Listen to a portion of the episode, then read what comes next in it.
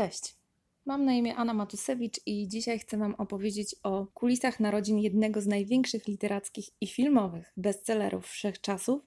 Mowa będzie o Margaret Mitchell i jej powieści Przeminęło z wiatrem.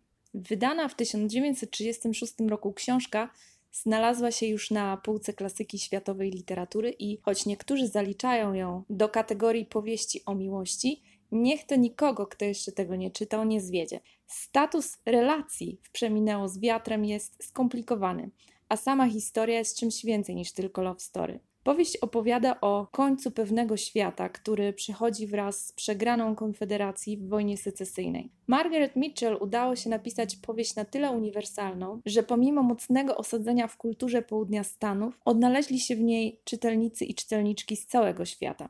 Czy Przeminęło z wiatrem zostało bestsellerem ze względu na swoją wartość literacką? Na pewno jest to dobra książka. Autorka została zresztą e, nawet laureatką Nagrody Pulitzera, ale w jej przypadku wiele rzeczy zdarzyło się po raz pierwszy i myślę, że to również miało duży wpływ na sukces. Mówię tu na przykład o pracy związanej z promocją i marketingiem ze strony wydawcy. Prawa do wydawania książki nabyło wydawnictwo Macmillan z Nowego Jorku. Po raz pierwszy w historii swojej działalności wydawnictwo zainwestowało tak dużo w reklamy prasowe. Zaryzykowało i postawiło na promocję powieści już wtedy, kiedy jeszcze nie miało całości na stanie. Jeszcze przed premierą udało się wydawnictwu sprzedać prawo do dystrybucji powieści w ramach wysyłkowego klubu książki, który w tamtym czasie był największą siecią subskrypcji książkowej w Ameryce. Zaplanowano do dystrybucji w ramach klubu aż 50 tysięcy egzemplarzy, gdy dla porównania początkowy nakład miał wynieść jedynie 10 tysięcy, a przeciętny nakład zwykłych książek po raz pierwszy wydawanych e, w Stanach Zjednoczonych wtedy wynosił około 5 tysięcy egzemplarzy. Przeminęło z wiatrem było też drugą najdroższą książką na rynku w latach 30. Drugą równie drogą była saga historyczna Anthony Adverse, która liczyła 1200 stron. Ciekawe jest to, że wydawnictwo planowało początkowo niższą cenę, ale kiedy spłynął do wydawnictwa cały rękopis powieści, okazało się, że jest niemalże dwa razy dłuższy niż zakładano początkowo. I sprzedawanie tej ponad tysiącstronicowej książki w tej niższej poprzedniej cenie mogło być kompletnie nieopłacalne. Przypomnę, że w latach 30. Stany Zjednoczone znajdowały się w dużym kryzysie gospodarczym i zakładana cena 3 dolarów mogła zniechęcić czytelników do kupowania. Wydawnictwo postawiło jednak na wysoką cenę, ale też dobrą jakość papieru, dużą czcionkę i twardą okładkę. Tego też domagała się mm, autorka, negocjując umowę z wydawnictwem. Macmillan ryzykowało, ale stawiało na odważne decyzje. Trzeba przyznać, że wydawnictwo zaliczyło też wpadki i popełniało błędy. Najbardziej, myślę, decydenci w wydawnictwie mogli sobie pluć w brodę za to, że pozostawili potencjalną sprzedaż praw do ekranizacji autorce. Po prostu nie zakładali, że branża filmowa zainteresuje się debiutancką powieścią nikomu nieznanej pisarki. Stało się inaczej i prawa do nakręcenia filmu na podstawie y, Przeminęło z wiatrem kupił młody producent Patrick Selznick. Zapłacił wtedy autorce 50 tysięcy dolarów, co wszyscy uważali za zawrotną kwotę. Film zdobył 8 Oscarów, w tym pierwszy w historii Oscar dla aktorki czarnoskórej oraz zarobił miliony dolarów. Ale kto mógł wtedy przewidzieć? Prawa autorskie do przykładów wydawnictwo również pozostawiło autorce. W tamtym czasie literatura amerykańska nie była jakoś szczególnie popularna poza Stanami, więc e, wydawnictwo nawet nie miało żadnego doświadczenia we współpracy zagranicznej, nie licząc Kanady i Wielkiej Brytanii, czyli anglojęzycznych rynków. Tym samym Mitchell znalazła się w sytuacji, gdy nieco z obowiązku, a obowiązek ochrony praw autorskich do powieści narzucało mm, autorce umowa z Selznikiem, więc autorka z obowiązku wynikającego z umowy z producentem filmowym zaczęła sama wraz z agentką literacką, która ostatecznie okazała się być oszustką, ale to już inna historia, zaczęła poszukiwać wydawców za granicą, by legalnie zabezpieczyć swoje prawa oraz tropić nielegalne wydania mm, przekładów i wyciągać wobec nich konsekwencje prawne.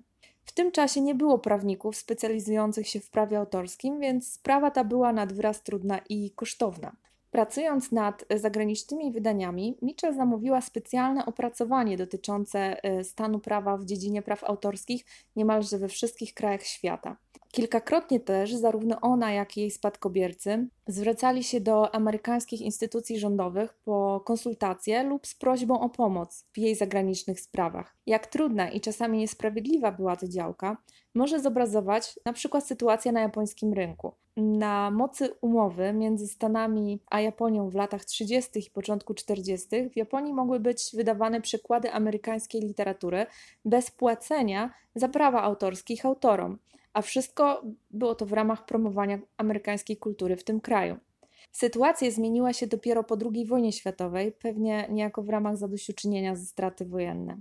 Komunikacja z Europą odbywała się wolno, podpisywanie umów i rozliczanie było mozolne, ale autorce udało się jeszcze przed y, wojną wydać y, Przeminęło z wiatrem w siedmiu europejskich krajach, w tym również w Polsce. W Polsce powieść e, w 1939 roku wydał J. Przyworski w przekładzie Celiny Wieniewskiej.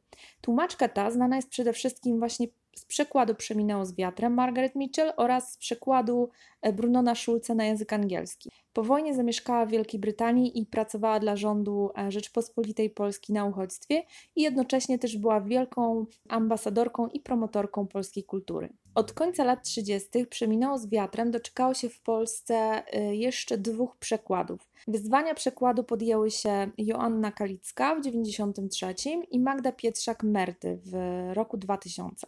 Wojna przystopowała kontakty z zagranicznymi wydawcami. Początkowo Mitchell i jej mąż, Robert Marsh, który ogromnie ją wspierał we wszystkich jej przedsięwzięciach, niezupełnie uświadamiali sobie e, skali tragedii, jaka spadła na Europę. Nawet się denerwowali, gdy rozliczenia z jakichś krajów nie przychodziły na czas, podejrzewając, że ktoś tam próbuje oszukiwać. Był to jednak tylko moment. Wkrótce sami zaczęli wysyłać e, nawet paczki z e, pomocą i żywnością do Europy. Smutnym obrazem spustoszenia, jakie wojna robiła, e, jest lista wydawców i osób kontaktowych żydowskiego pochodzenia, jaką stworzyła dla Mitchell jej agentka, wyczulając, że te osoby mogły nie przeżyć wojny. Każde odnowienie takiego kontaktu było odbierane niemal jak powrót do żywych. Po wojnie rodzina Mitchell kontynuowała ekspansję, przekłady Przeminęło z wiarem miały wzięcie ze zdwojoną siłą.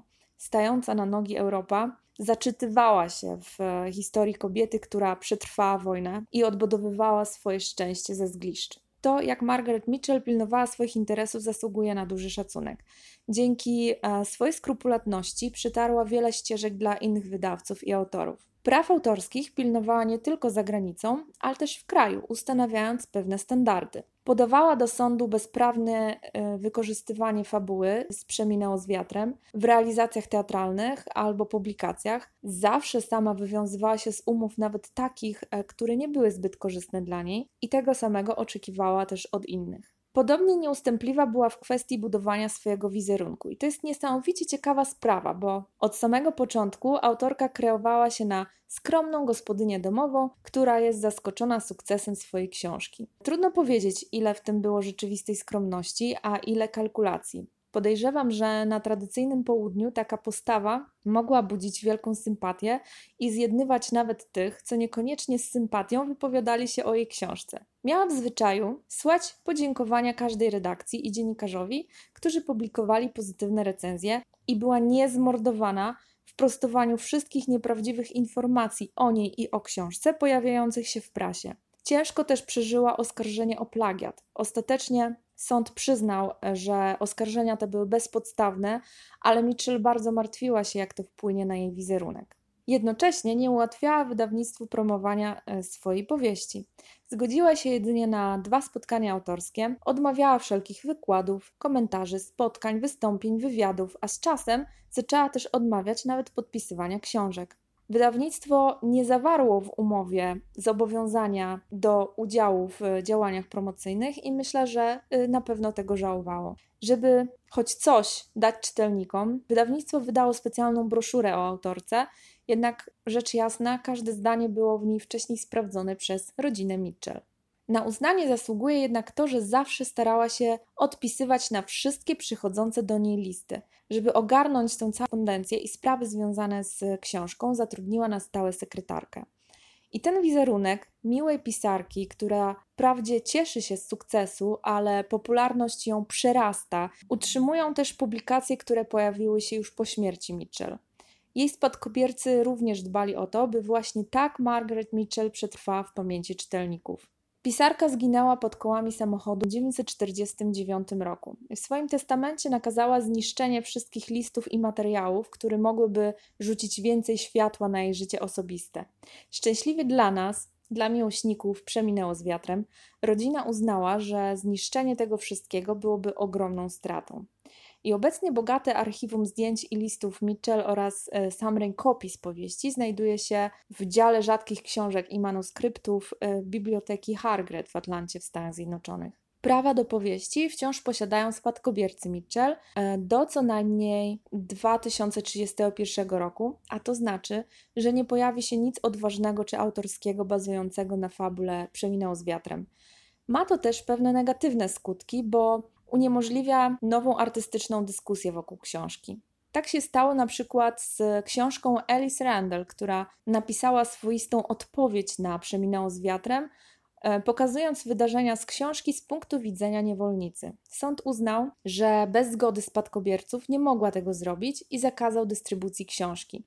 A spadkobiercy raczej nie byli zainteresowani, żeby taka powieść ujrzała światło dzienne. Margaret Mitchell spotkała się z pewnymi zarzutami o to, jak przedstawia czarnoskórych niewolników w swojej powieści. Wręcz były to zarzuty o rasizm. Dzisiaj również, kiedy czytamy tę powieść, na pewno zauważymy, że punkt widzenia w książce jest typowo kolonialny. No a przecież sama dyskusja jest jak najbardziej pożądana, szczególnie jeśli przybiera ciekawe artystyczne formy.